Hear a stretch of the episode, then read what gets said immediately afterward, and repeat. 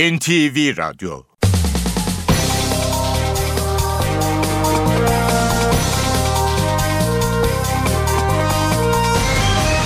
İşe Giderken Mutlu sabahlar. Ben Aynur Altunkaş. Bugün 16 Ocak Perşembe. Saat 9'a kadar Türkiye ve dünya gündemine yakından bakacağız.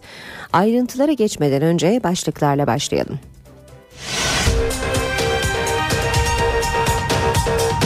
İnternette sınırlama düzenlemesini de içeren torba yasada Ulaştırma Bakanı'nın erişime engelleme yetkisi kaldırıldı.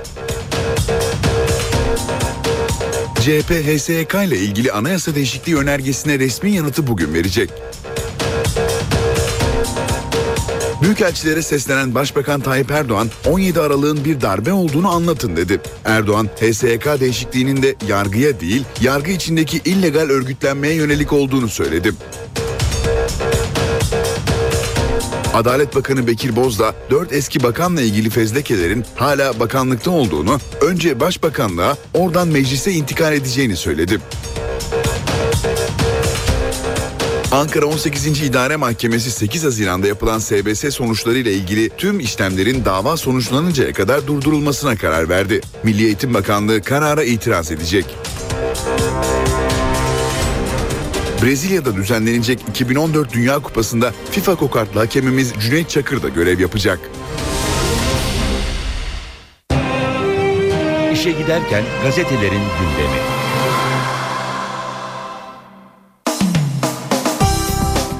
Basın özetleri var sırada Hürriyet gazetesiyle başlayalım. Bırakın artık diyor Hürriyet manşette bugünlerde siyasilerin ağzından paralel devlet, devlet içinde çete ve milli orduya kumpas kelimeleri düşmüyor. Vatandaşsa 5 yıldır tutuklu bulunan kanser hastası Profesör Doktor Fatih Hilmioğlu için yeter bırakın artık diyor. Geçen günlerde hastaneye kaldırılan ve hastalığının ilerlediği belirtilen Hilmioğlu'nun tutuksuz yargılanması için yeni girişimler gündeme geldi. Cumhurbaşkanı Gül, Hilmioğlu'nun dosyasının incelenmesi için hukukçularına talimat verdi. Eski rektör Hilmioğlu'nun hükmen tutuklu statüsünde olması nedeniyle Gül'ün af yetkisini doğrudan kullanması mümkün değil ancak Hilmioğlu'nun avukatları bireysel başvuru yoluyla Anayasa Mahkemesi'ne bugün dilekçe verecek. SBS'de şok diyor Hürriyet. 8 Haziran 2013'te son kez 8. sınıflar için yapılan seviye belirleme sınavına yürütmeyi durdurma kararı çıktı. Yabancı dil testinde 718 adayın sonuçlarının yanlış hesaplanması üzerine yapılan başvuruyu değerlendiren idare mahkemesi telafisi güç ve imkansız zararların oluşacağına karar vererek yürütmeyi durdurdu. Milli Eğitim Bakanlığı'nın karara yapacağı itiraz kabul edilmezse 1 milyon 112 bin öğrencinin puanı tekrar hesaplanacak. Adaylar eğitime başladığından büyük karmaşa ortaya çıkabilir. Devam edelim yine Hürriyet gazetesinden aktarmaya. Tape'deki rafineri için 6 ülke yarışta diyor Hürriyet gazetesi. Fethullah Gülen'e ait ses kaydındaki Uganda'ya 3 milyar dolarlık rafineri için 6 ülkeden şirketler yarışıyor. Aralarında Türk yok. İhale Nisan'da demiş Hürriyet gazetesi. Hemen altında savcı ve polisin yetkisine sınır başlığını görüyoruz. AK Parti kurmayları yeni paketi bireysel hak ve özgürlüklere güvence getiriyoruz diye savundu. Avustralya artı 45. Avustralya mevsim normallerinin neredeyse iki misline çıkan sıcak hava dalgasıyla boğuşuyor. Güneydeki Adelaide'da termometreler 45,1 dereceyi gösterdi. Ülke genelinde ateş yakmak yasaklandı. Melbourne'deki Avustralya açık tenis turnuvasında sporcular aşırı sıcak yüzünden baygınlık geçiriyor. Milliyetle devam edelim. Rütük modeli yanlış olur diyor Milliyet manşette. CHP lideri Kılıçdaroğlu Başbakan Erdoğan'ın HSYK teklifine sıcak bakmadı. Hakimin göğsünde parti rozeti olmamalı dedi. Gazetelerin yayın yönetmenleri ve yazarlarıyla İstanbul'da buluşan Kılıçdaroğlu önemli mesajlar verdi. Başbakanın HSYK'yı rütük üyeleri gibi seçelim teklifine karşı çıkan CHP lideri yanlış olur hakimin göğsünde parti rozeti olmaz dedi. Kılıçdaroğlu'nun formülü ise şöyle üyeleri büyük ölçüde hakimler ve savcılar seçsin kalan kontenjan 367 ve üzeri çoğunlukla mecliste seçilebilir. Veto beklentisi. Başlığını görüyoruz. Fikret Bila'nın yazısı birinci sayfaya çıkarılmış. CHP lideri HSYK teklifinin bu şekliyle köşke gitmesi durumunda Cumhurbaşkanı'nın veto edeceğine inanıyor. Kılıçdaroğlu'nu böyle düşündüren Gül'ün hükümet kanadına teklif bu haliyle önüme gelmesin mesajını vermiş olması. Emniyette atama fırtınası dinmiyor. 17 Aralık'ın ardından emniyette atamalar sürüyor. Emniyet Genel Müdürlüğü'nün KOM, güvenlik ve asayiş gibi dairelerinde çalışan ve aralarında şube müdürlerinde bulunduğu 600'e yakın polis yeni görevlere atandı. Son atamalarla Türkiye genelinde 3000'e yakın polisin görev yeri değişmiş oldu. Görevden almaların önümüzdeki günlerde de süreceği öğrenildi. Yine milliyetten aktaralım. Kahveyi taşırdı.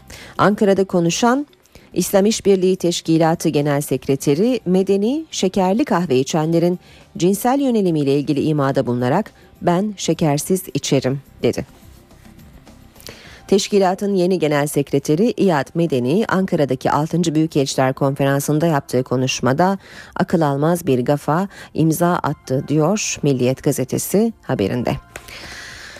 Sabahla devam ediyoruz. Sabahın manşeti. Gülen örgütünün 8 kollu ahtapotu. Açığı bulunan iş adamlarını tehdit eden, eğitim ve medya kuruluşlarına yardım zorlayan, yardıma zorlayan cemaat şirketlerine ucuz finansman sağlayan organizasyon su yüzüne çıkmaya başladı.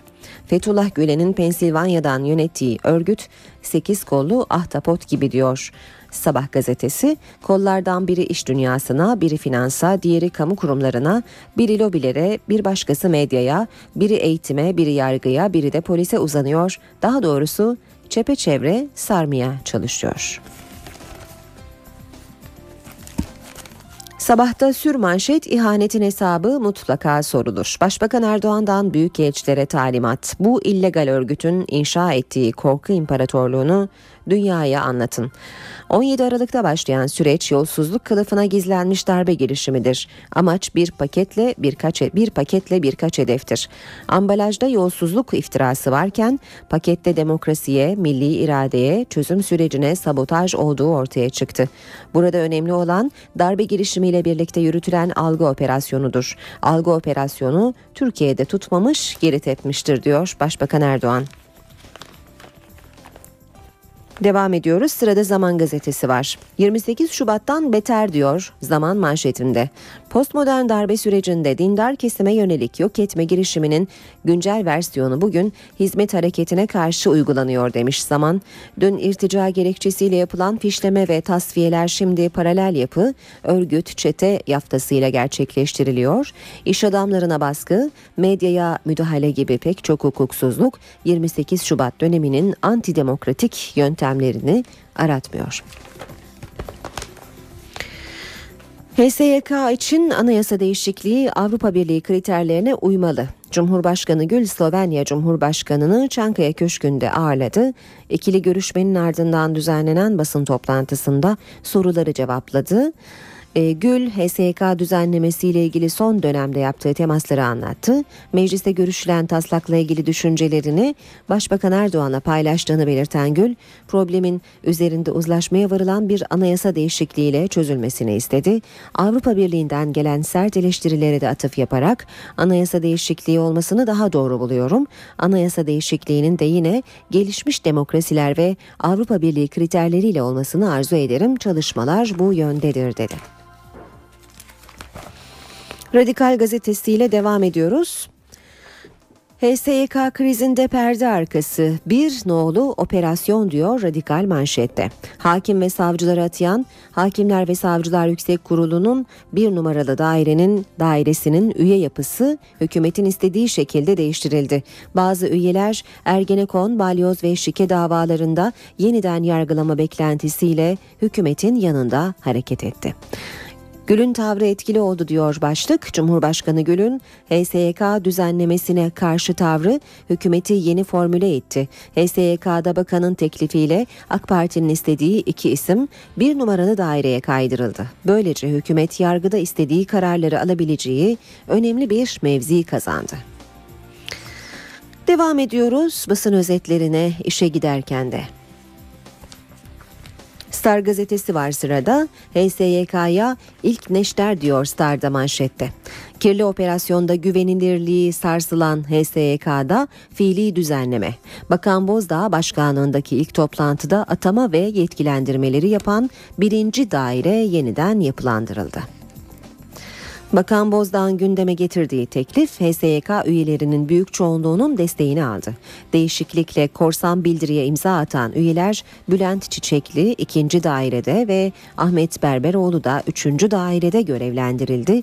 İki ismin yerine üçüncü daire üyesi Rasim Aytin ve ikinci daire üyesi Halil Koç getirildi diyor Star gazetesi haberinde. İHH'ya saldırı Esad'a destek başlığı var Star gazetesinde. Paralel örgütün İnsani Yardım Vakfı'na saldırısına tepki gösteren hayırseverler vakfa bağış yağdırdı demiş Star gazetesi başlıkta. Yeni Şafak'ta da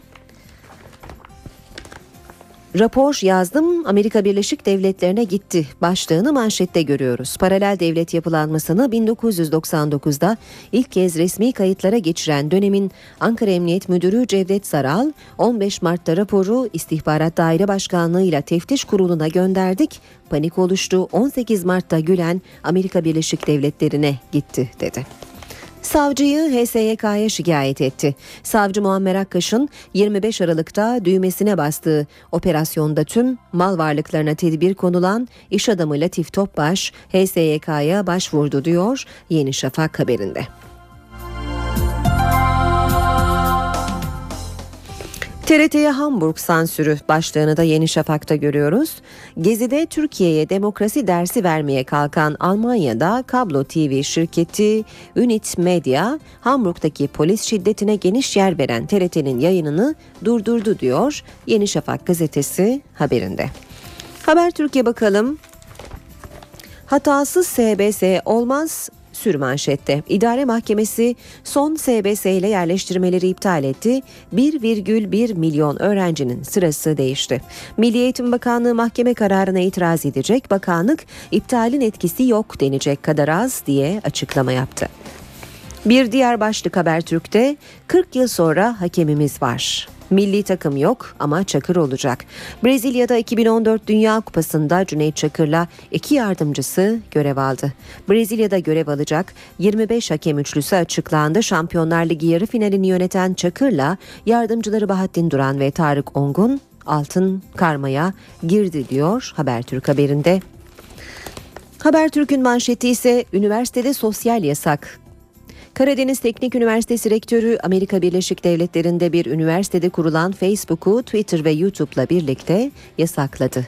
Rektör Profesör Doktor Süleyman Baykal, üniversite internet hattındaki sosyal medya sitelerine erişimi engelledi. Profesör ve doçentler kendi internetlerini kullanmaya başlamış başladı diyor Habertürk haberinde.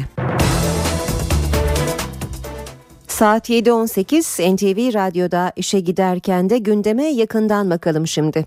İnternette sınırlama düzenlemesini de içeren torba yasağı Meclis Plan ve Bütçe Komisyonu'nda kabul edildi. Komisyondaki görüşmelerde verilen bir önergeyle Ulaştırma Bakanı'nın erişimi engelleme yetkisi kaldırıldı. Kabul edilen tasarıyla belediyeler şehir içinde 65 yaş üstü kişilerin ulaşımından ücret almayacak. Tartışılan madde değişti.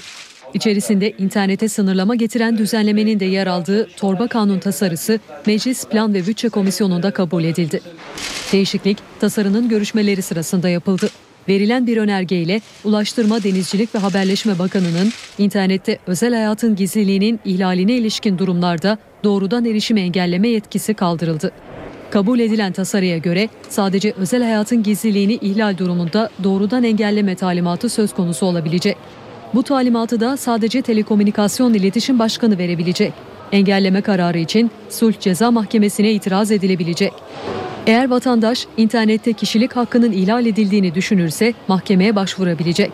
Komisyonda kabul edilen torba kanun yasa tasarısı internet düzenlemesinin yanı sıra birçok madde içeriyor. Silahlı Kuvvetler ve Emniyet Teşkilatı'nda patlayıcı maddelerin imhası, nakli, depolanması sırasında Malul olanlarla hayatını kaybedenlerin ailesine de aylık bağlanacak. Engelli istihdamı teşvik edilecek. Engellilerin taşınmasında kullanılan yüksek tavanlı araçlar için de ÖTV indirimi yapılacak. Tasarıya göre otoyolların işletmesi özelleştirme idaresi başkanlığı altında kurulacak bir şirkete devredilecek ve halka arz edilecek. 65 yaş ve üzeri kişiler belediyelerin sağladığı şehir içi toplu taşıma hizmetlerinden ücretsiz, demiryolları ve deniz yollarının şehirler arası hatlarındansa %50 indirimli faydalanacak.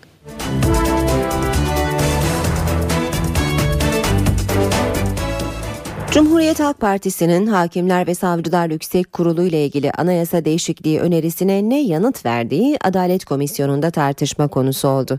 Adalet Bakanı Bekir Bozdağ CHP'den olumsuz yanıt geldiğini söyledi. Bozdağ'ın bu açıklamasına CHP'den jet yalanlama geldi. Yanıtın bugün verileceği söylendi. Bozdağ da daha sonra açıklamasını düzeltti. Doğrusu CHP'nin yapacağı açıklamadır. Bize gelen bir açıklama yoktur dedi. HSYK'nın yapısını değiştiren düzenlemenin görüşüldüğü Adalet Komisyonu'nun 6. gün mesaisine Adalet Bakanı Bekir Bozdağ'ın açıklamaları damga vurdu. Bakan Bozdağ, Adalet Komisyonu'nda AK Parti'nin HSYK'nın yapısıyla ilgili anayasa değişikliği yapılmasına ilişkin önerilerini CHP'nin reddettiğini söyledi. Bozdağ, arkadaşlardan aldığım bilgiye göre CHP reddetti ifadesini kullandı uyumlu değildi. Bozdağ'ın bu açıklaması üzerine komisyona gelen CHP Grup Başkan Vekili Engin Altay, resmi yanıtımızı henüz iletmedik. Bu sabah CHP MYK'dan sonra ileteceğiz açıklaması yaptı. Altay, yanlış anlaşılmanın nedeni olarak da CHP Grup Başkan Vekili Muharrem İnce ile AK Parti Grup Başkan Vekili Nurettin Canikli arasındaki informal görüşmeyi gerekçe gösterdi.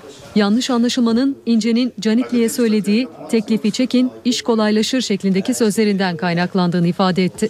Bu mesajı AK Parti'nin olumsuz bir sinyal olarak değerlendirdiğini belirtti. Hakimler Savcılar Yüksek Kurulu kanun Bekir Bozdağ da CHP'den gelen itirazlar üzerine açıklamasını düzeltti. Doğrusu CHP'nin kendisinin yapacağı açıklamadır. Bize gelen bir açıklaması yoktur dedi. Bozdağ komisyonda dört eski bakanla ilgili fezlekeler konusunda da açıklamalar yaptı. Fezlekelerin hala bakanlıkta olduğunu, önce başbakanlığa ardından meclise gönderileceğini söyledi. Komisyondaki 6. gün mesaisinin sonunda teklifin 46. maddesine kadar gelindi ve 46. madde tekliften çıkarıldı. Böylece tekliften çıkarılan madde sayısı 7'ye ulaşmış oldu. Kalan 6 madde ise bugün öğleden sonra yapılacak toplantıda görüşülecek. Başbakan Tayyip Erdoğan yargıda illegal bir örgütlenmenin olduğunu söyledi. Dün Türkiye'nin yurt dışında görev yapan büyükelçilerine seslenen başbakan, amacımız yargıya müdahale değil, mücadele yargı içindeki illegal örgütlenmeye karşı dedi. Erdoğan büyükelçilerden 17 Aralık'ın bir darbe olduğunu anlatmalarını da istedi. Bu ihanet şebekeleri Türkiye'nin uluslararası teröre destek verdiği algısını yaymak için alçakça bir kampanya yürütüyorlar. Bizim için terör sadece terördür. Yok El-Kaide'ymiş, yok En-Nusra'ymış, yok şuymuş, yok buymuş. Hepsi bizim karşımızdadır. Biz onların karşısındayız. Başbakan Recep Tayyip Erdoğan, yolsuzluk ve rüşvet operasyonuyla Türkiye'nin uluslararası teröre destek verdiği algısının yaratılmak istendiğini savundu. Bunun yolsuzluk operasyonu görünümünde bir darbe girişimi olduğunu özellikle vurgulamanızı sizlerden rica ediyorum. Bu örgütün devlet kurumlarında örgütlenerek inşa ettiği korku imparatorluğunun iyi anlaşılması ve iyi anlatılması gerekiyor. Başbakan Recep Tayyip Erdoğan 6. Büyükelçiler Konferansı'nda Türkiye'nin yurt dışında görev yapan büyükelçilerine seslendi.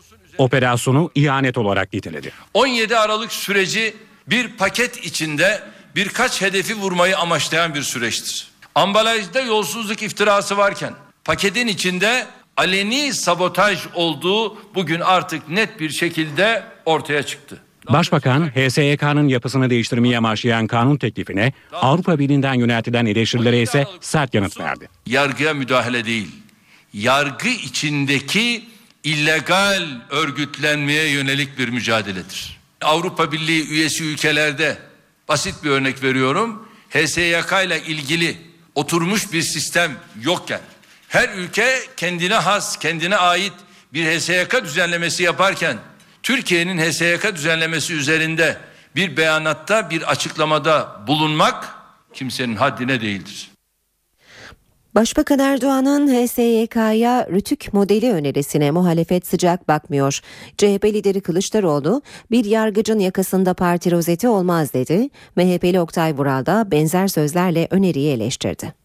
Parlamento içinde grupların kendi gücüne göre aynen Radyo Televizyon Üst Kurulu'nda olduğu gibi sayılarına göre HSYK içerisinde onlar da temsil edilme imkanını bulacaklardır, bulabilirler. Başbakan Recep Tayyip Erdoğan'ın bu çağrısı Ankara'nın yeni tartışma konusu.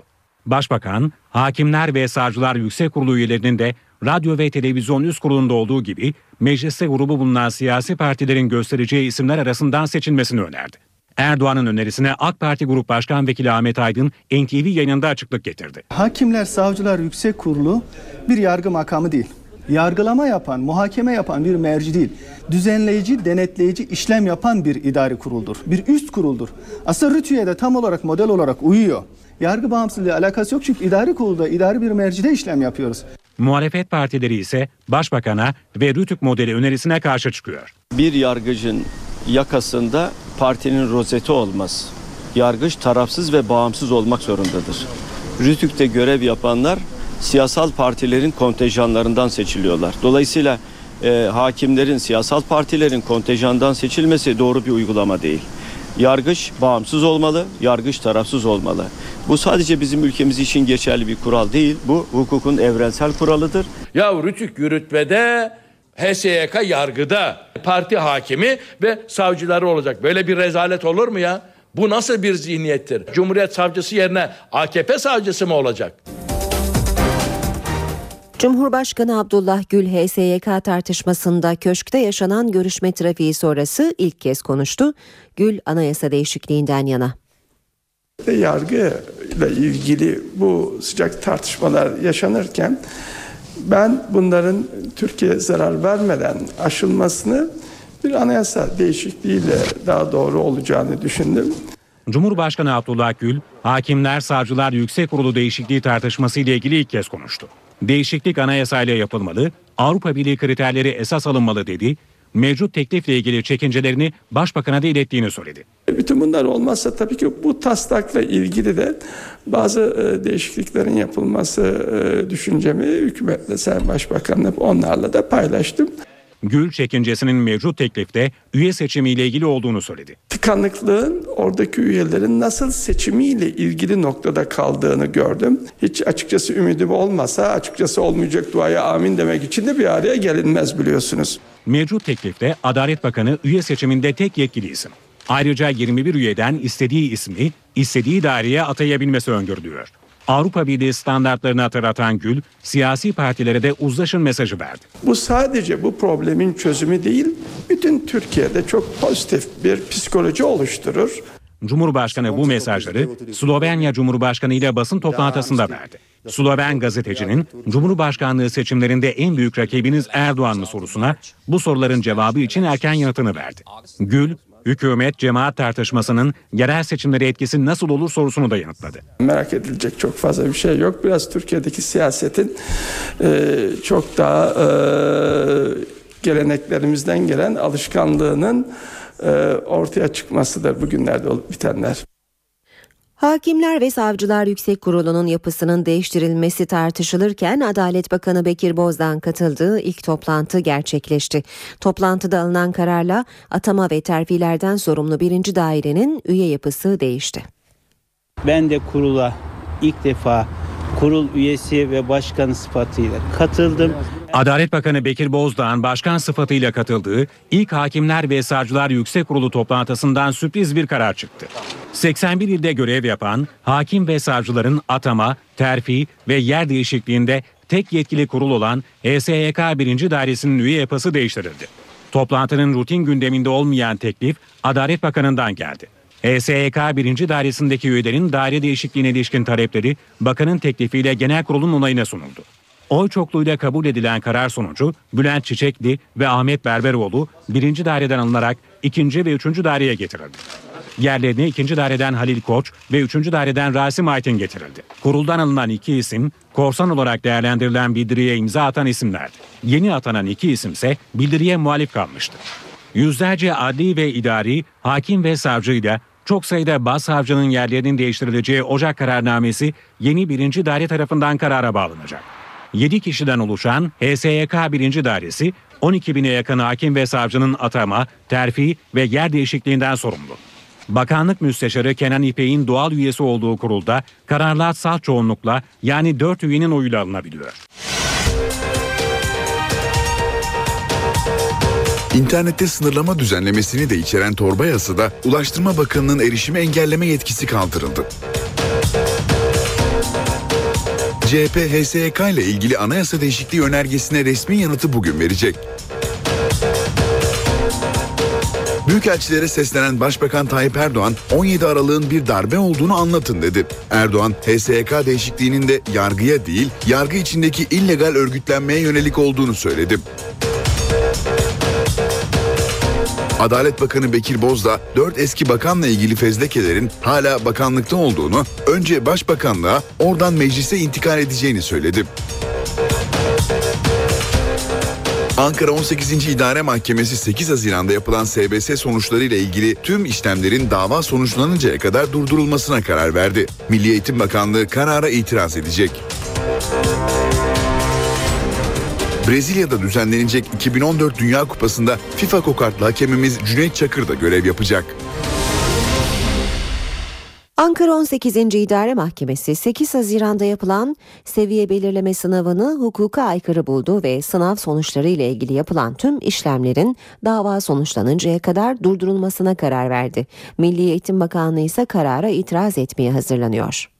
Milli Eğitim Bakanlığı, Ankara 18. İdare Mahkemesi'nin SBS'ye giren 1 milyon 112 bin adayın sınav sonuçları yeniden hesaplanmalı kararına itiraz etmeye hazırlanıyor.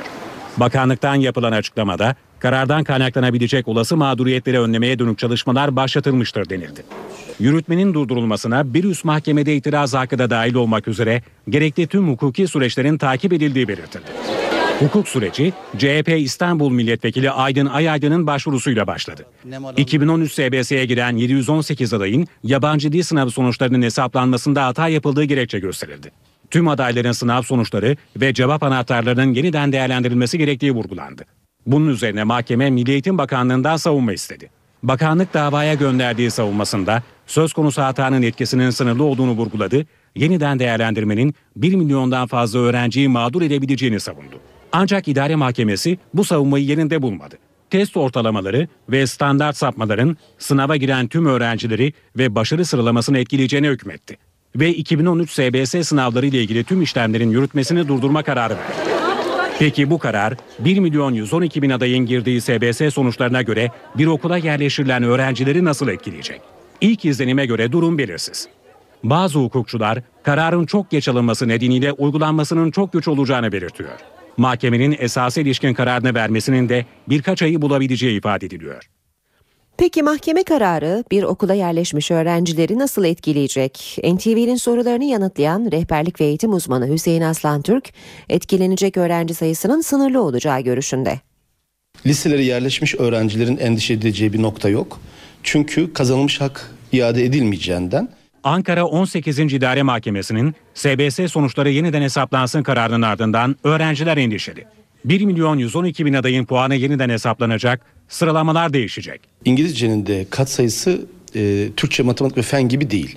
O yüzden de sıralamada çok büyük bir oynama olacak kanaatinde değilim. Ama etkileyen etkileyeceğim öğrenciler mutlaka var ama bir öğrenci bile etkilese bu önemlidir. Bazı uzmanlara göre yeni hesaplama sonrası puana düşen bir öğrenci bir alt tercihine düşürülmeyecek. Ancak sınavı kazanamayan veya bir üst tercihine girmeye hak kazanan öğrenciler için ek kontenjan açılabilir. 9. sınıfta herhangi bir okulda daha yüksek bir okulda okuyan bir öğrenci e, bu sıralamadan dolayı olumsuz etkilense alt bir okula geçmeyecek.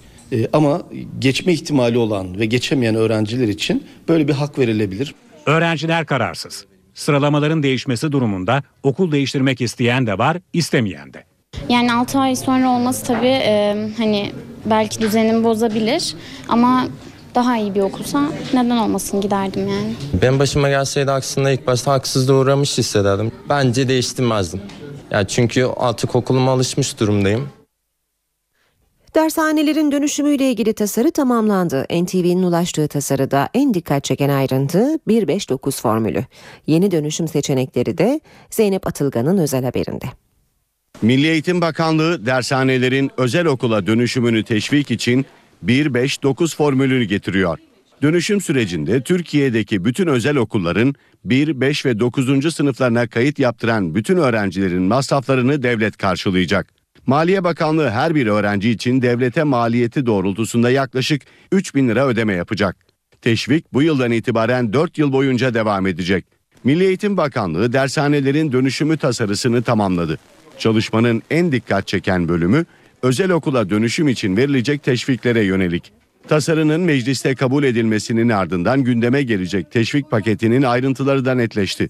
Arsa yardımı bu teşvikler arasında.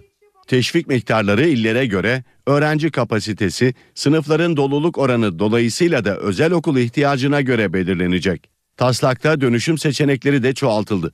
Dershaneler özel okulun yanı sıra yurt, anaokulu, kurs ve etüt merkezlerine de dönüşebilecek. Ancak etüt merkezlerine 12 yaş sınırı getirilecek. Ücretsiz etüt merkezleri ise varlığını sürdürebilecek. Dönüşüm sürecinde işsiz kalan öğretmenler en az 5 yıl çalışmış olma şartıyla halk eğitim merkezlerinde istihdam edilecek. Pedagojik formasyonu olmayan öğretmenlere formasyon eğitimi verilecek. Bu öğretmenler halk eğitim merkezlerindeki takviye kurslarda görevlendirilecek. Kira kontratı devam eden dershaneler mekanlarını Milli Eğitim Bakanlığı'na devredebilecek. Bakanlık da buralarda halk eğitim merkezleri kuracak.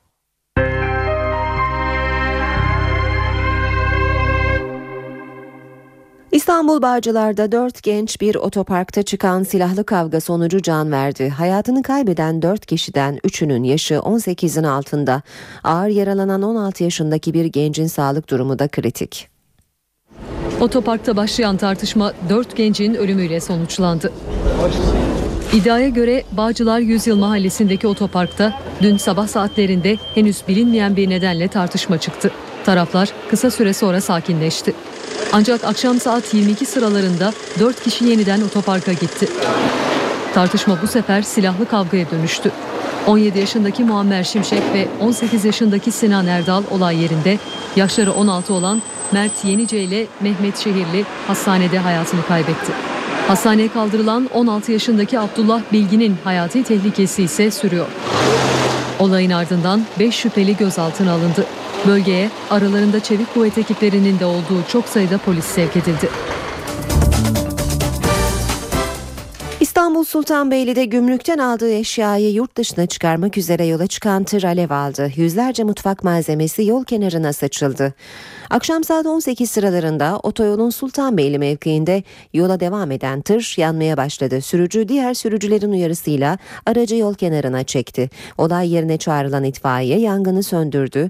Ancak tırın dorsesinde bulunan mutfak malzemeleri otoyolun kenarında bulunan yokuştan aşağı yuvarlandı. Polis malzemelerin çalınmaması için önlem aldı. İstanbul Fatih'te dün akşam 4 katlı bir binanın ön cephesi çöktü. Binada yaşayan Suriyeli aileden bir kişi enkaz altından yaralı olarak kurtarıldı. Arama kurtarma ekipleri çöken 4 katlı binanın enkazı altında kalanlar olup olmadığını araştırıyor. Suriyeli bir ailenin kaldığı tarihi binanın ön cephesinde akşam saatlerinde çökme meydana geldi. Suriyeli bir genç enkazın altında kaldı. Kurtarma ekipleri Suriyeli genci enkazdan yaralı olarak çıkardı. Çökme tehlikesiyle daha önce kapatılan binaya Suriyeli ailenin sığındığı ve binanın önüne de çadır kurduğu ortaya çıktı. Ayrıca Süleymaniye Camii'nin hemen altındaki mahallede çok sayıda Suriyeli ailenin çökme tehlikesi bulunan binalarda kaldığı öne sürüldü. Şanlıurfa'da Akçakale gümrük kapısı kapalı olduğu için ülkelerine gidemeyen Suriyeliler eylem yaptı. Yaklaşık 200 Suriyeli akşam saatlerinde sınır kapısı önünde toplandı. Gruba dağılmaları için Arapça uyarı anonsları yapıldı. Bölgede güvenlik önlemleri artırıldı. Bir süre eyleme devam eden Suriyeliler daha sonra dağıldı.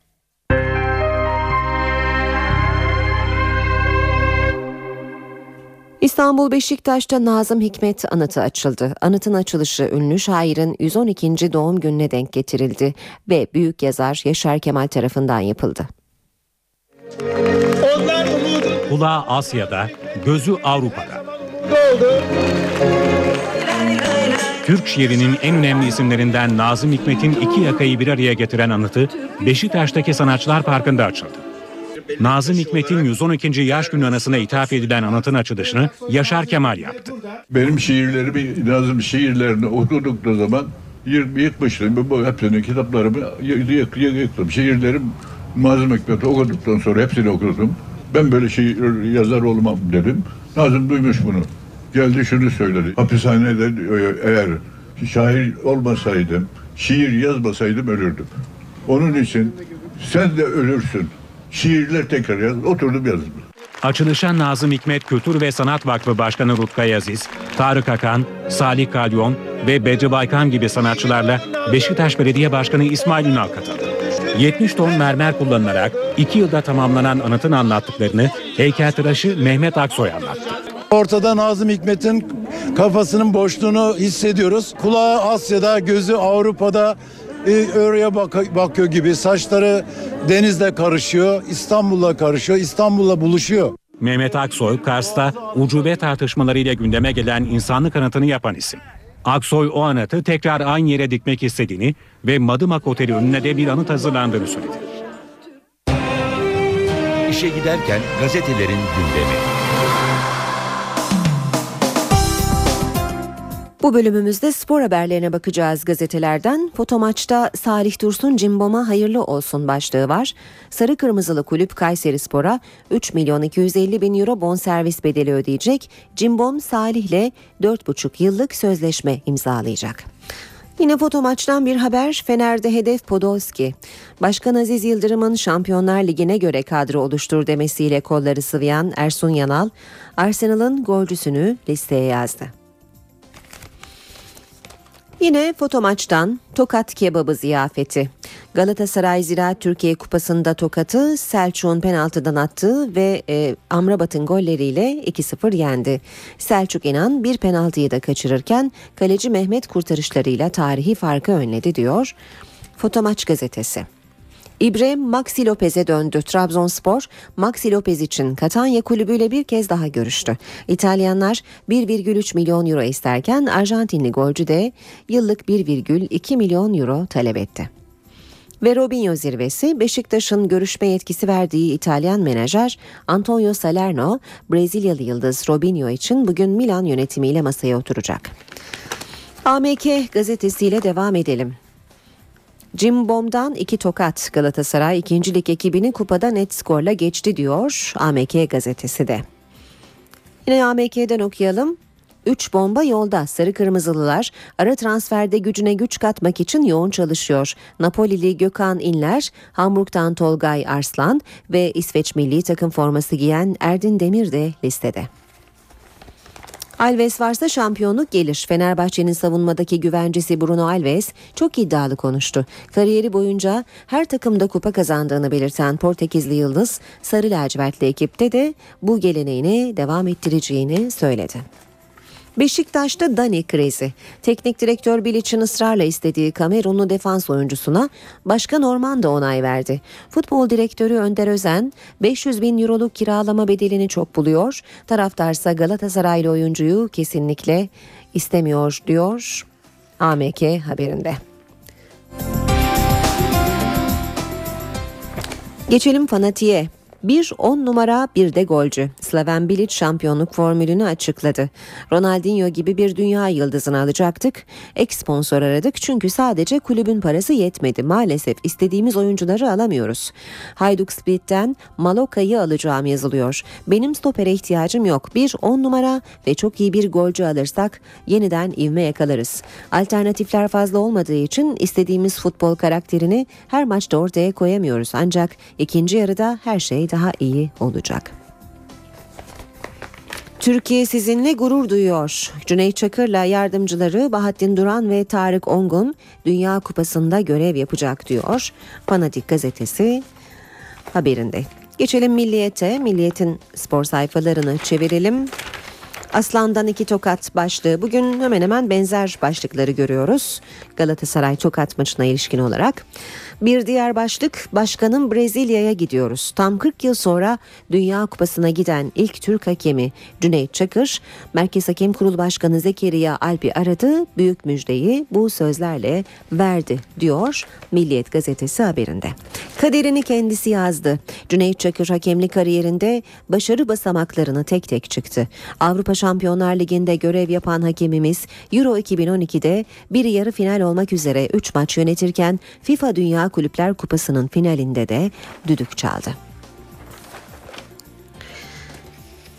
Cimbom'da Adili sürprizi. Galatasaray Basel forması giyen 19 yaşındaki Endoğan Adili ile anlaşma sağladı. Annesi Kosovalı, babası Türk olan genç futbolcu yerli olarak forma giyebilecek. Sarı Kırmızılar Salih Dursun'la Umut Doğan'ı da kapa resmen bildirdi. Az sonra başlığı var sırada Beşiktaş stoper ve orta saha transferini Antalya kampı bitimine bıraktı. Stoper transferinde Lescott ısrarını sürdüren Kartal olumsuz yanıt gelirse Milanlı Zakardo'ya yönelecek. Son başlığı aktaralım. Pençeler Avrupa'ya. Ligde sıkıntılı günler geçirse de Avrupa'da harikalar yaratan Beşiktaş, Lituvos deplasmanındaki zaferin ardından Zaragoza engelini de aştı. P grubunda 2'de 2 yaparak zirveyi kaptı. Basketbolda Avrupa'nın 2 numaralı kupası olan Euro Cup'ta ikinci tur P grubunda mücadele eden Beşiktaş Integral Forex, İspanyol Zaragoza'yı 70-63 yenmeyi başardı. NTV Radyo. Günaydın herkese yeniden ben Aynur Altunkaş. Yeni saatte hava durumuyla başlayacağız. Önce gündemin başlıklarını kısaca hatırlayalım. İnternette sınırlama düzenlemesini de içeren torba yasada Ulaştırma Bakanı'nın erişimi engelleme yetkisi kaldırıldı. CHP HSYK ile ilgili anayasa değişikliği önergesine resmi yanıtı bugün verecek.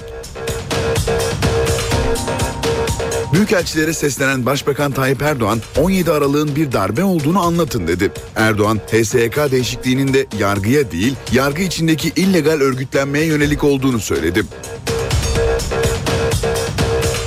Adalet Bakanı Bekir Bozdağ 4 eski bakanla ilgili fezlekelerin hala bakanlıkta olduğunu, önce başbakanlığa oradan meclise intikal edeceğini söyledi.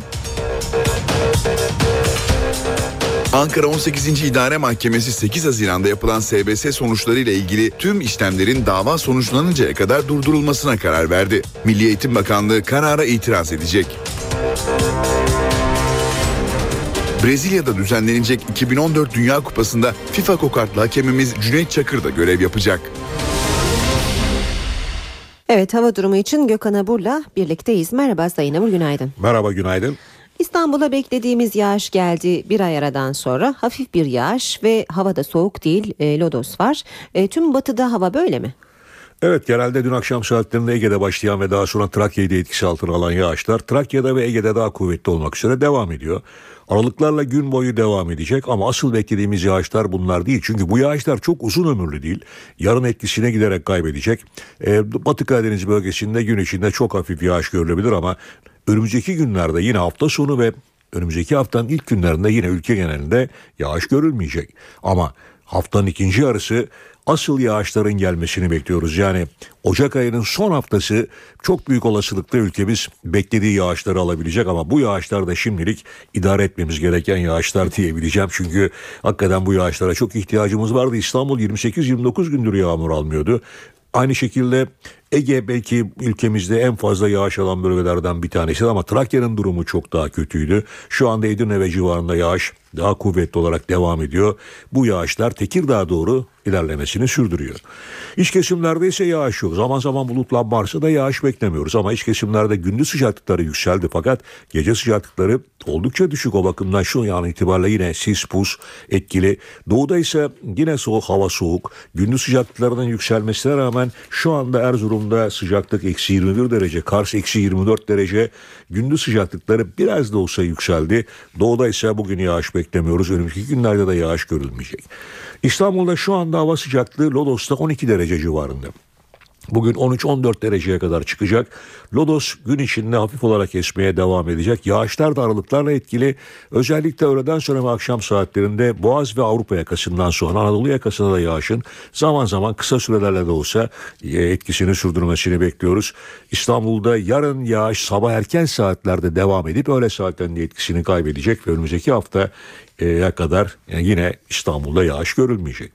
Ankara'da ise sıcaklıklar yükseliyor. Bugün gündüz sıcaklığı yer yer 8-9 dereceye kadar çıkacak ama e, merkezde şu anda sıcaklık oldukça düşük 0 derece. E, Esenboğa'da ise sıcaklık eksi 4 derece olarak ölçüldü son durumda. E, Ankara'da hafif de olsa esen bir karayel yönlü rüzgar var. İzmir'de ise dün başlayan yağış aralıklarla etkisini sürdürüyor. Bugün aralıklarla devam edecek. İzmir'de şu anda hava sıcaklığı 12 derece. Bugün İzmir'de beklediğimiz en yüksek sıcaklık da 14 derece civarında olacak. Şu anda keşişleme İzmir'de 17 kilometre hızla esmesini sürdürüyor. Yağış aralıklarla devam edecek. Yarın sabahtan sonra İzmir'de de yağışın etkisini kaybedeceğini söyleyebilirim. Böyle bir hava bekliyor bizleri. Gökhan Abur teşekkür ediyoruz. İşe giderken gazetelerin gündemi.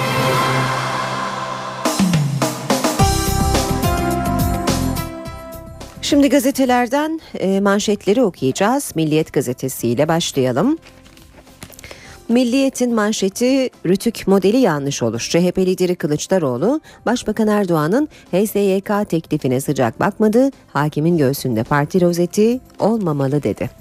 Milliyet'in sür manşeti SBS kaosu.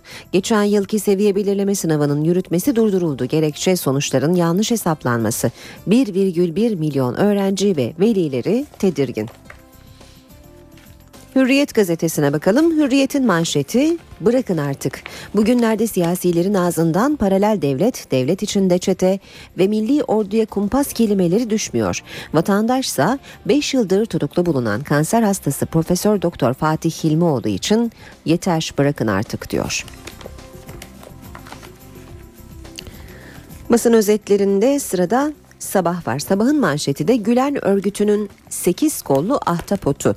Açığı bulunan iş adamlarına tehdit eden, eğitim ve medya kuruluşlarına yardıma zorlayan cemaat şirketlerine ucuz finansman sağlayan organizasyon su yüzüne çıkmaya başladı. Fethullah Gülen'in Pensilvanya'dan yönettiği örgüt 8 kollu ahtapot gibi. Kollardan biri iş dünyasına, biri finansa, diğeri kamu kurumlarına, biri lobilere, bir başkası medyaya, biri eğitime, biri yargıya, biri de polise uzanıyor. Daha doğrusu çepeçevre sarmaya çalışıyor demiş Sabah gazetesi.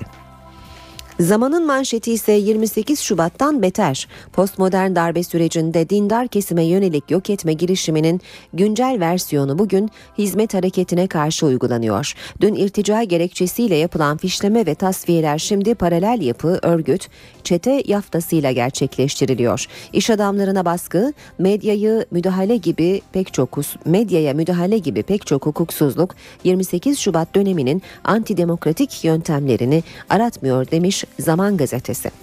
Cumhuriyet'in manşeti ise işte o iddialar. Bakanlarla ilgili fezlekede yer alan ağır suçlamaların ayrıntılarına yer vermiş Cumhuriyet gazetesi e, manşet haberinde Bakan Bozdağ'ın önce başbakanlığa sonra meclise göndereceğini açıkladığı fezlekede eski bakanlar Çağlayan, Güler ve Bağış rüşvet, sahtecilik, örgüt kurmak ve kaçakçılıkla suçlandı. Çevre ve Şehircilik Bakanlığı'ndaki usulsüzlük iddiaları nedeniyle Erdoğan Bayraktar için ayrı fezleke sunulduğu öğrenildi. Bakanların Yüce Divan'da yargılanmaları için meclis soruşturması istendi. Haberin üst başlıklarında da e, eski bakanların e, ne kadar rüşvet aldığına yönelik iddialar var. Zafer Çağlayan'ın 28 kez toplam 52 milyon dolarlık rüşvet aldığı belirtiliyor iddiada. Cumhuriyet'ten aktardık. Geçelim radikale. HSYK krizinde perde arkası bir nolu operasyon diyor manşeti radikalin. Hakim ve savcıları atayan Hakimler ve Savcılar Yüksek Kurulu bir numaralı dairenin üye yapısı hükümetin istediği şekilde değiştirildi. Bazı üyeler Ergenekon, Balyoz ve Şike davalarında yeniden yargılama beklentisiyle hükümetin yanında hareket etti diyor radikal. Star gazetesi ise HSYK'ya ilk neşter demiş. Kirli operasyonda güvenilirliği, e, güvenilirliği sarsılan HSYK'da fiili düzenleme. Bakan Bozdağ Başkanlığındaki ilk toplantıda atama ve yetkilendirmeleri yapan birinci daire yeniden yapılandırıldı. Yeni Şafak rapor yazdım Amerika'ya gitti diyor manşette. Paralel devlet yapılanmasını 1999'da ilk kez resmi kayıtlara geçiren dönemin Ankara Emniyet Müdürü Cevdet Saral 15 Mart'ta raporu İstihbarat Daire Başkanlığı'yla teftiş kuruluna gönderdik panik oluştu 18 Mart'ta Gülen Amerika'ya gitti diyor. Habertürk'ün manşeti ise üniversitede sosyal yasak. Karadeniz Teknik Üniversitesi rektörü Amerika Birleşik Devletleri'nde bir üniversitede kurulan Facebook'u Twitter ve YouTube'la birlikte yasakladı. Habertürk'ün sürmanşeti ise 40 yıl sonra hakemimiz var. Brezilya'daki 2014 Dünya Kupası'nda Cüneyt Çakır'la iki yardımcısı görev aldı. Saat 8.17 NTV Radyo'da işe giderken de birlikteyiz. Başkent gündemi var şimdi sırada ve karşımızda NTV muhabiri Özgür Akbaş. Özgür günaydın. Günaydın Aynur. Ee, yargı tartışmaları, paralel devlet tartışmaları derken bir de SBS tartışmaları var artık gündemde. Yeni güne nasıl başlıyor başkent? Başkentte yine çok yoğun bir gündem söz konusu. Özellikle Çankaya Köşkü'nde yoğun bir trafik var. Bu yüzden Cumhurbaşkanı Abdullah Gül'ün programını aktararak başlayalım. Bugün Ankara Kuzey Kıbrıs Türk, Türk Cumhuriyeti Cumhurbaşkanı Derviş Eroğlu'nu ağırlayacak. Cumhurbaşkanı Abdullah Gül'ün daveti üzerine Ankara'ya ziyaret gerçekleştirecek Eroğlu ve ilk olarak Çankaya Köşkü'nde resmi törenle karşılanacak. Ve Derviş Eroğlu ile Cumhurbaşkanı Abdullah Gül'ün e, Çankaya Köşkü'nde bir de öğle yemeği yemesi bekleniyor. Dervişeroğlu Cumhurbaşkanı Abdullah Gül'le yapacağı programın hemen ardından Meclis Başkanı Cemil Çiçek ve Başbakan Recep Tayyip Erdoğan'la da bir araya geleceğini söyleyelim. Tabii bugün Perşembe olması nedeniyle Çankaya Köşkü'ndeki trafik e, yoğun olacak. Cumhurbaşkanı Abdullah Gül Eroğlu'nun ardından haftalık olan görüşmeler kapsamında Başbakan Recep Tayyip Erdoğan ve Milli İstihbarat Teşkilatı Müsteşarı Hakan Fidan'ı ayrı ayrı kabul edecek. Tabi Gül'ün Başbakanla yapacağı görüşmede yine Hakimler ve Savcılar Yüksek Kurulu'nun yapısını değiştiren e, düzenleme anayasal çerçevede yapılmasının bir kez daha gündeme gelmesi ve bu konuda iki ismin bir fikir teyakkisinde bulunması bekleniyor. Ama özellikle Cumhurbaşkanı Abdullah Gül'ün Milli İstihbarat Teşkilatı Müsteşarı Hakan Fidan'la yapacağı görüşme bir hayli önemli. Çünkü son dönemde Paris'te 3 kadın PKK'nın öldürülmesiyle ilgili MIT üzerinden e, pek çok iddia gündeme geldi. Gerçi Milli İstihbarat Teşkilatı o iddiaları yalanladı, bir iş soruşturma başlatacağını açıkladı. Ama Cumhurbaşkanı'nın bu konuda MİT müsteşarından bilgi alması da bekleniyor. Cumhurbaşkanı programından geçelim Başbakan Erdoğan'ın programına. Başbakan Köşk'teki olan görüşmenin ardından AK Parti Genel Merkezi'ne geçecek ve partisinin seçim işleri üst kurul toplantısına katılacak. Artık yerel seçim sürecinde açıklanmayan ilçe belediyeleri ilgili son noktanın e, bu toplantıda konması bekleniyor. Evet siyasetin bir numaralı gündem maddesi Hakimler ve Savcılar Yüksek Kurulu'nun yapısı. O yapı nasıl değişecek? Adalet Komisyonu'ndaki teklifle mi değişecek yoksa siyasi partilerin uzlaştığı bir anayasa değişikliğiyle mi değişecek? Gerçekten bu soru halen cevap arıyor. Ee, bunun yanı sıra Adalet Komisyonu ise çalışmalarını artık tamamlamak üzere.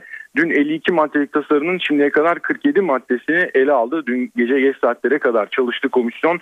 Bugün çalışmalarını e, sürdürecek. Sadece 5 madde kaldı. Bugün çalışmaların tamamlanması bekleniyor. Hemen hatırlatalım 52 maddelik tasarının 7 maddesi ise tasarıdan çıkartıldı. Tabii bir yandan da uzlaşı arayışları e, vardı. Adalet Bakanı Bekir Bozdağ muhalefet partilerine gitti. BDP yeşil ışık yaktı, MHP kapıları kapattı. Ama Cumhuriyet Halk Partisi nasıl bir e, yanıt vereceği hala belli değil. O yanıtın bugün gelmesi bekleniyor. Çünkü CHP'nin en önemli iki karar organı toplanacak. Önce Merkez Yönetim Kurulu ardından parti meclisi toplantısı var.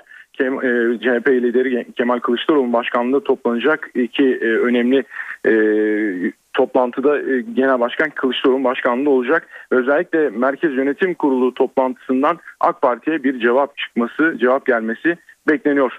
Meclis Genel Kurulu gündeminde aktaralım. Aden Körfezi'nde görev yapan Türk Silahlı Kuvvetleri unsurlarının görev süresinin bir yıl daha uzatılmasını öngören Başbakanın tezkeresi bugün genel kurulda ele alınacak.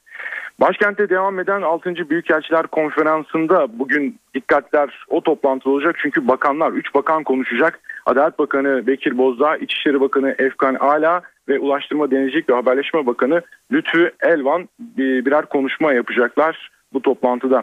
Ve son bir not aktaralım Ankara'dan. Bugün Anayasa Mahkemesi önemli bir konuyu inceleyecek.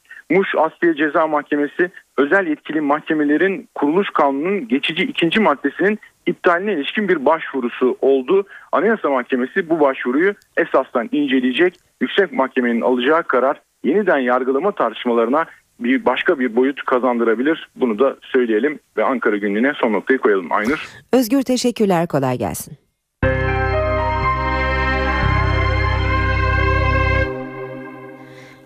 Gündemdeki önemli gelişmeleri hatırlayalım bir kez daha. İçer, içinde internete sınırlama getiren düzenlemenin de yer aldığı torba kanun tasarısı Meclis Plan ve Bütçe Komisyonu'nda kabul edildi. Tasarının görüşmeleri sırasında internet düzenlemesinde değişikliğe gidildi. Verilen bir önergeyle Ulaştırma Bakanı'nın erişimi engelleme yetkisi kaldırıldı. Özel hayatın gizliliği veya başkalarının hak ve özgürlüklerinin korunması sebeplerine bağlı olarak gecikmesinde sakınca bulunan hallerde doğrudan engelleme engelleme talimatını sadece Telekomünikasyon İletişim Başkanlığı verebilecek. Ayrıca sadece özel hayatın gizliliği durumunda talimatla engelleme söz konusu olabilecek. Engelleme kararı için Suç Ceza Mahkemesi'ne itiraz edilebilecek. Ankara 18. İdare Mahkemesi 8 Haziran'da yapılan SBS'yi hukuka aykırı buldu ve sınav sonuçları ile ilgili yapılan tüm işlemlerin dava sonuçlanıncaya kadar durdurulmasına karar verdi. Milli Eğitim Bakanlığı ise karara itiraz etmeye hazırlanıyor. Milli Eğitim Bakanlığı, Ankara 18. İdare Mahkemesi'nin SBS'ye giren 1 milyon 112 bin adayın sınav sonuçları yeniden hesaplanmalı kararına itiraz etmeye hazırlanıyor. Bakanlıktan yapılan açıklamada karardan kaynaklanabilecek olası mağduriyetleri önlemeye dönük çalışmalar başlatılmıştır denildi. Yürütmenin durdurulmasına bir üst mahkemede itiraz hakkı da dahil olmak üzere gerekli tüm hukuki süreçlerin takip edildiği belirtildi. Hukuk süreci CHP İstanbul Milletvekili Aydın Ayaydın'ın başvurusuyla başladı. 2013 SBS'ye giren 718 adayın yabancı dil sınavı sonuçlarının hesaplanmasında hata yapıldığı gerekçe gösterildi. Tüm adayların sınav sonuçları ve cevap anahtarlarının yeniden değerlendirilmesi gerektiği vurgulandı. Bunun üzerine mahkeme Milli Eğitim Bakanlığı'ndan savunma istedi. Bakanlık davaya gönderdiği savunmasında söz konusu hatanın etkisinin sınırlı olduğunu vurguladı, yeniden değerlendirmenin 1 milyondan fazla öğrenciyi mağdur edebileceğini savundu. Ancak idare mahkemesi bu savunmayı yerinde bulmadı. Test ortalamaları ve standart sapmaların sınava giren tüm öğrencileri ve başarı sıralamasını etkileyeceğine hükmetti. Ve 2013 SBS sınavları ile ilgili tüm işlemlerin yürütmesini durdurma kararı verdi. Peki bu karar 1 milyon 112 bin adayın girdiği SBS sonuçlarına göre bir okula yerleştirilen öğrencileri nasıl etkileyecek? İlk izlenime göre durum belirsiz. Bazı hukukçular kararın çok geç alınması nedeniyle uygulanmasının çok güç olacağını belirtiyor. Mahkemenin esası ilişkin kararını vermesinin de birkaç ayı bulabileceği ifade ediliyor. Siirt'te ikinci çocuğunu doğururken hayatını kaybeden Kader, evliliğe zorlanan çocuk sorununu bir kez daha gündeme getirdi.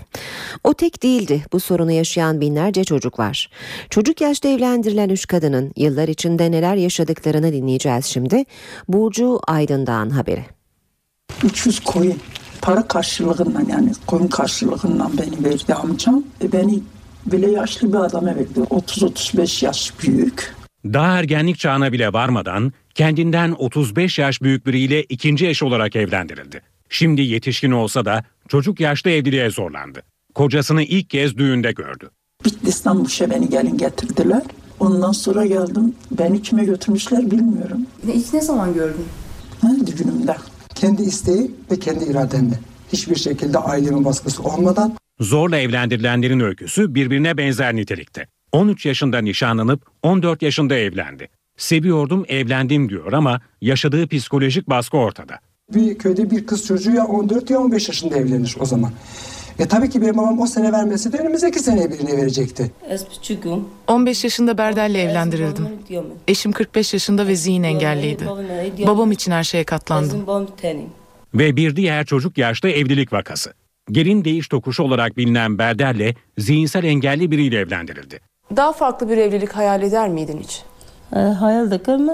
Tabii hayal ederdim. Ama babamın hatırı için vazgeçtim hayalimden. Başka türlü bir evlilik isterdim. Ama babamın hatırı için sesimi kestim. Hayal ediyordum ama vazgeçtim. Başbakan Yardımcısı Bülent Arınç, Alman kablo televizyon şirketinin TRT'nin bir kanalını kablolu yayından çıkardığı iddialarını değerlendirdi. Olayın kablolu yayına abonelik ücretindeki anlaşmazlıktan kaynaklandığını belirtti. Basında Hamburg'daki olaylar sebebiyle kablolu yayından çıkarıldığı iddiası var. Bu eğer şu açıdan söyleniyorsa biz bundan iftihar duyarız. Hamburg'da yaşanan bir ayrımcı olay var. Bu olayın üzerine Alman medyası gitmiyor olabilir. Ama biz habercilik anlayışını doğru ve objektif olarak yapmak istiyoruz. Hamburg'da yaşanan ve kimsenin tasvip etmediği olayların bir şekilde sadece Türkiye değil bütün dünyaya duyurulması lazım. TRT bu görevini fazlasıyla yerine getiriyor. Bundan dolayı bir cezalandırmanın söz konusu olmadığına inanmak isteriz. Biz meseleyi sadece bir ücret uyuşmazlığı olarak biliyoruz. Bunu da giderecek çabayı göstereceğiz. İşsizlik oranı azalıyor. Ekim 2013 döneminde işsizlik %9,7'ye geriledi. Kayıtlı işsizlerin sayısı ise 2 milyon 743 bin kişi oldu. İşsizlik oranı Ekim 2013 döneminde %9,7 oldu. İşsizlik bir önceki aya göre 0,2 puan azaldı. 2012'nin aynı dönemine göre işsizlikte 0,6 puanlık artış var. Türkiye İstatistik Kurumu verilerine göre Ekim itibariyle kayıtlı işsizlerin sayısı ise 2 milyon 743 bin kişi. İşsiz sayısı bir aylık dönemde 88 bin kişi azaldı. Bir yılda ise 202 bin kişi arttı. İşsizlik tarım dışı alanda %11,9, genç nüfusta ise %19,3 oranında gerçekleşti. Ekim itibariyle Türkiye'de istihdam edilenlerin %23,5'u tarımda çalışıyor. Çalışanların yarısına yakını hizmetler sektöründe istihdam ediliyor. Sanayide çalışanların oranı %19,1, inşaat sektöründe çalışanların oranı ise %7,6. Ekim döneminde kayıt dışı çalışanların oranı 3,4 puan azaldı. Hem erkek hem kadınların iş gücüne katılım oranlarında da küçük de olsa düşüş görüldü. Finans e, Finansa bakalım şimdi BIST 100 endeksi dün yatay bir seyir izleyerek 68.134 puandan kapandı. Bu sabah serbest piyasada dolar 2.19 euro 2.98'den işlem görüyor. Euro dolar paritesi 1.36 dolar yen 105 düzeyinde. Altının onsu 1242 dolar kapalı çarşıda külçe altının gramı 88 çeyrek altın 154 liradan işlem görüyor. Brent petrolün varili 107 dolar. İnternette sınırlama düzenlemesini de içeren torba yasada Ulaştırma Bakanı'nın erişimi engelleme yetkisi kaldırıldı. CHP HSYK ile ilgili anayasa değişikliği önergesine resmi yanıtı bugün verecek. Büyükelçilere seslenen Başbakan Tayyip Erdoğan 17 Aralık'ın bir darbe olduğunu anlatın dedi. Erdoğan HSYK değişikliğinin de yargıya değil yargı içindeki illegal örgütlenmeye yönelik olduğunu söyledi. Adalet Bakanı Bekir Bozdağ 4 eski bakanla ilgili fezlekelerin hala bakanlıkta olduğunu, önce başbakanlığa oradan meclise intikal edeceğini söyledi. Ankara 18. İdare Mahkemesi 8 Haziran'da yapılan SBS sonuçları ile ilgili tüm işlemlerin dava sonuçlanıncaya kadar durdurulmasına karar verdi. Milli Eğitim Bakanlığı karara itiraz edecek. Brezilya'da düzenlenecek 2014 Dünya Kupası'nda FIFA kokartlı hakemimiz Cüneyt Çakır da görev yapacak. Sahibinden.com Sahibinden.com trafik durumunu sunar. Sahibinden.com Evet İstanbul trafiğine bakalım. Ana arterlerde yoğunluklar sürüyor özellikle Fatih Sultan Mehmet Köprüsü'nde Küçük Bakkalköy köprü girişi arası yoğunluk var. Anadolu yakasına geçişte Zincirlikuyu ve köprü girişi arası yoğun. Boğaziçi Köprüsü'nde Çamlıca'dan başlıyor yoğunluk ve Çağlayan'a kadar devam ediyor. Ters yönde Mecidiyeköy Altunizade arası yoğun. Anadolu yakası tem otoyolunda Ataşehir civarında küçük kısa süreli birikmeler var. E5 karayolunda ise Küçük Yalı'dan itibaren e, Kartal yönünde Gül Suyu'na kadar trafik çok yoğun ilerliyor. Ayrıca e, Küçük Yalı'dan Uzunçayır'a kadar da yoğunluk olduğunu söyleyelim. E, Boğaziçi Köprüsü katılımı Ümraniye Namazgah'tan itibaren e, sürücüleri zorluyor. E5 karayolunda da köprü yönünde Yeni Bosna'dan başlayan Ok Meydanı'na uzanan bir yoğunluk var. E, yine E5'te Avcılar Küçükçekmece arasında yer yer çift yönlü olmak üzere yoğunluk olduğunu görüyoruz. O üçte atış alanı anıt mezar arası yoğun. Tem'de Metres Tekstil Kent arası köprü yönünde de Akşemsettin Maslak arasının yoğun olduğunu ekleyelim. Bağlantı yolunda Nurtepe Ok Meydanı arasının yoğun olduğunu söyleyelim. Sahibinden.com Sahibinden.com trafik durumunu sundu. Sahibinden.com Dünyanın gündemine bakacağız demiştik. Mısır'la başlayalım. Mısır'da dün ve önceki gün yapılan referandumda oy sayım işlemleri devam ediyor. Şimdiye kadar oyların %80'inin sayımı tamamlandı. Kesin olmayan sonuçlara göre oy kullananların %98,19'u evet, %1,81'i hayır dedi. Katılım oranının %31,3 olduğu seçimlerde Müslüman Kardeşler üyesi 444 kişinin gözaltına alındığı açıklandı. Alınan güvenlik önlemlerine rağmen yaşanan olaylarda 9 kişi öldü. Suriye'de Şam yakınlarında çatışmalar nedeniyle farklı bir dram yaşanıyor. Bu dramın adı açlık. Çatışmalar sebebiyle su ve gıda ulaşmayan Yermuk mülteci kampında son iki ayda yaklaşık 40 kişi açlıktan öldü. Acil yardım gitmezse yeni ölümler de kapıda. Suriye'de başkent Şam'a sadece 8 kilometre uzaklıkta bir insanlık dramı yaşanıyor. 10 binden fazla Filistinlinin yaşadığı Yermuk mülteci kampı açlığın pençesinde. Muhalifler ve Suriye ordusu arasındaki çatışmaların ortasında kalan Yermuk'ta iki ayda onlarca kişinin açlık nedeniyle öldüğü belirtiliyor. Bölgede yaşayanlar çaresiz. Yiyecek tek bir lokma kalmadığını söylüyorlar. Açlıktan teker teker ölüyoruz. Buna daha ne kadar katlanabiliriz? Yardım kuruluşları Yermuğa gıda ve ilaç yardımında bulunmak için birçok kez yola çıktı. Konvoylar ya yağmalandı ya da açılan ateş sonucu geri dönmek zorunda kaldı. Sadece Yermuk'ta yaşayanlar değil, Suriye nüfusunun yarısı da insani yardıma muhtaç halde. Birleşmiş Milletler Genel Sekreteri Ban Ki-moon, Suriye'deki açlığın ciddi bir insanlık felaketine dönüştüğünü söyledi. Ban Ki-moon, uluslararası topluma yardım çağrısında bulundu. Amerika Birleşik Devletleri'nin bir bilgisayarı izleyebilmesi için bu bilgisayarın internete bağlantılı olması gerekmiyor. Bilgi Edward Snowden'ın sızdırdığı gizli belgelerde yer aldı. Amerika Birleşik Devletleri internete bağlı olmayan bilgisayarları da izledi.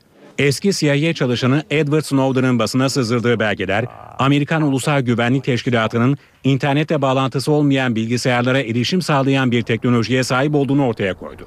Teşkilat bunun için oldukça eski bir teknolojiye, radyo dalgalarına başvurdu. Ajanlar, özel alıcılar yerleştirdikleri bilgisayarlara radyo dalgalarını kullanarak erişim sağladı.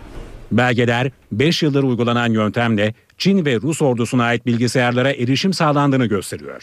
Toplamda 100 binden fazla bilgisayara ulaşıldığı belirtiliyor. Rusya'ya sığınan Snowden'ın yayınladığı belgeler, dünya üzerinde milyonlarca telefon görüşmesi ve elektronik posta yazışmasının Amerika Birleşik Devletleri'nin takibi altında olduğunu göstermişti.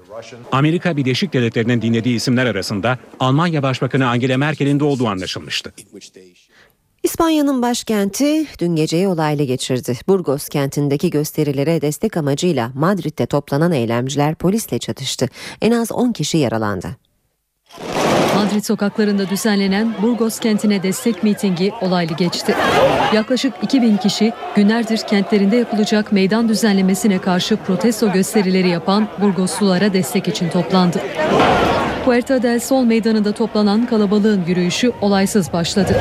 Sloganlar atan grup iktidardaki Halk Partisi Genel Merkezi'ne yürümek isteyince polisin engeliyle karşılaştı. Göstericiler polise patlayıcı ve meşaleler atarak karşılık verdi. Barikatlar kuruldu, çöp konteynerleri ateşe verildi. Olaylarda 11 kişi gözaltına alındı, 5'i polis, 11 kişi de yaralandı. Fransa'da Cumhurbaşkanı François Hollande ve Julie Gaye aşkıyla ilgili yeni iddialar gündemde. Gaye'nin 4 aylık hamile olduğu yönünde dedikodular var. Yeni ortaya çıkan e, bir kayıtsa Julie Gaye'nin 2012'de Hollande hayranlığını dile getirdiği bir konuşmayı ortaya serdi. François ile ilk kez bir kahvaltıda tanıştım. Onu çok mütevazi buldum. Bir seferlik bu görüşme öyle tüyler ürperticiydi ki şimdi burada karşınızdayım. O size gerçekten kulak veren biri. Çok bilgili, her konuda konuşabilir. Bu özelliği beni çok etkiledi. Onunla tanıştığım ilk andan beri değişmedi. Bu istikrar onu güçlü yapıyor. O söylediği her şeyi yapar. Bu sözler Fransa'da ortaya çıkan aşk skandalının merkezindeki isim Julie Gaye'ye ait. Band 2012'de Fransa Cumhurbaşkanlığı seçimi kampanyası sırasında kaydedilmiş. Gaye'nin o günün Cumhurbaşkanı adayı, bugünün Fransa Cumhurbaşkanı François Hollande için sarf ettiği sözler dikkat çekiyor. Konu Fransız medyasının yine en önemli maddelerinden. Medyadaki haberlere göre olan geçen Temmuz'da First Lady Valerie Trier-Weiler tatildeyken Gaia ile birlikteydi. Hatta seçim bölgesi Tül'de birlikte bile görüntülendiler. Trier-Weiler'in Hollande'ın bir başka kadınla ilişkisinden uzun süredir şüphelendiği, Hollande-Gaia ilişkisinin ortaya çıkmasının ardından tehditkar davrandığı iddiası da gazete sayfalarında yer alıyor. Gaia'nın 4 aylık hamile olduğu da dile getirilen bir başka iddia. 41 yaşındaki aktrisle ilişkisi olduğu yönündeki haberleri yalanlamayan olan Elize Sarayı'ndaki basın toplantısında mahrem bir konu diyerek gazetecilerin sorularını cevaplamayı reddetmişti.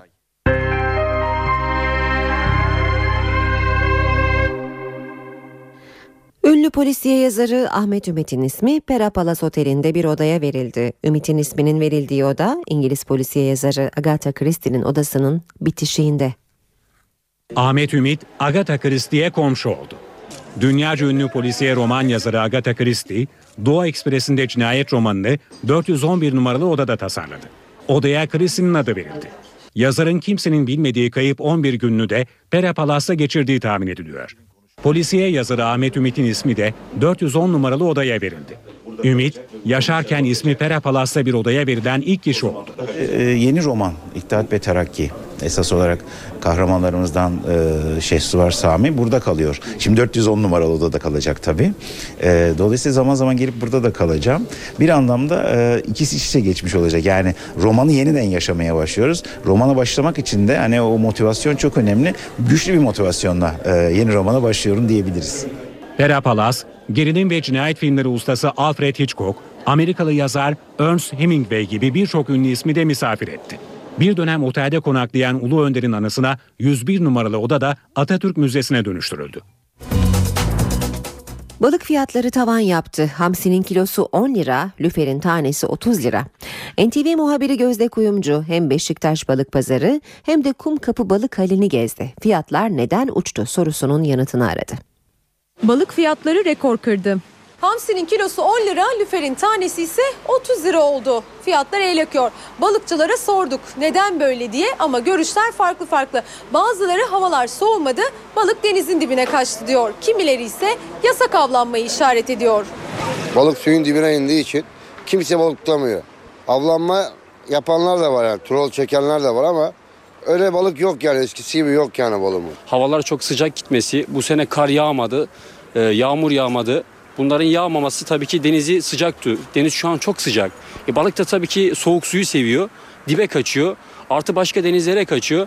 Yani balık yerinde durmuyor. Balık soğuk suda üreme yapıyor. Yani yumurtasını soğuk suda bırakıyor. Sular deniz çok sıcak olduğu zaman yumurtasını bırakmıyor. Onun için çoğalmadı balık. Hamsi, lüfer el yakıyor. Kalkanın kilosu 100 lira. Vatandaş tezgahlara bakıyor ama alan pek yok. Çok pahalı yani. Bu fiyatlara alınmaz yani. Esnaf da müşteri kadar fiyatlardan şikayetçi. Gelen olsa bile şu an 5 kilo balık alan vatandaş şu an en fazla 1 kilo alıyor. E tabii ki bir sandıktan kalkıp sen 20 kiloluk bir sandıktan 2, 2 kilo satıp diğerini sen çöpe attın mı bir anlamı olmuyor. Çok zarardayız. Bu sene bu havaların böyle gitmesi inan bizi bitirdi. Tayfa parasını bile veremiyoruz. Türkiye Brezilya'da düzenlenecek Dünya Kupası'na belki katılamıyor ama bir Türk hakem orada olacak. FIFA Dünya Kupası'nda görev alacak hakemleri açıkladı. Listede Cüneyt Çakır da var. 40 yıl aradan sonra Dünya Kupası'na bir Türk hakem gidiyor. FIFA Cüneyt Çakır'ı Dünya Kupası'nda görevlendirdi. Çakır'a Türk hakemler Bahattin Duran ve Tarık Ongun eşlik edecek. Karar Cüneyt Çakır için sürpriz değil. Çakır daha önce aralarında Euro 2012 yarı final mücadelesinin de olduğu birçok önemli karşılaşmada görev alan bir isim. Çakır son olarak Ukrayna-Fransa Dünya Kupası playoff karşılaşmasını yönetti. 2011'den beri UEFA'nın elit hakem kategorisinde yer alan Cüneyt Çakır, Uluslararası Futbol İstatistikleri Federasyonu tarafından dünyanın en iyi 5 hakeminden biri olarak gösteriliyor. Dünya Kupası'nda düdük çalan son Türk hakemi Doğan Babacan'dı. Babacan 1974 Dünya Kupası'nda Almanya-Şili maçını yönetti. Bu haberle işe giderken sona erdi. Hoşçakalın. NTV Radyo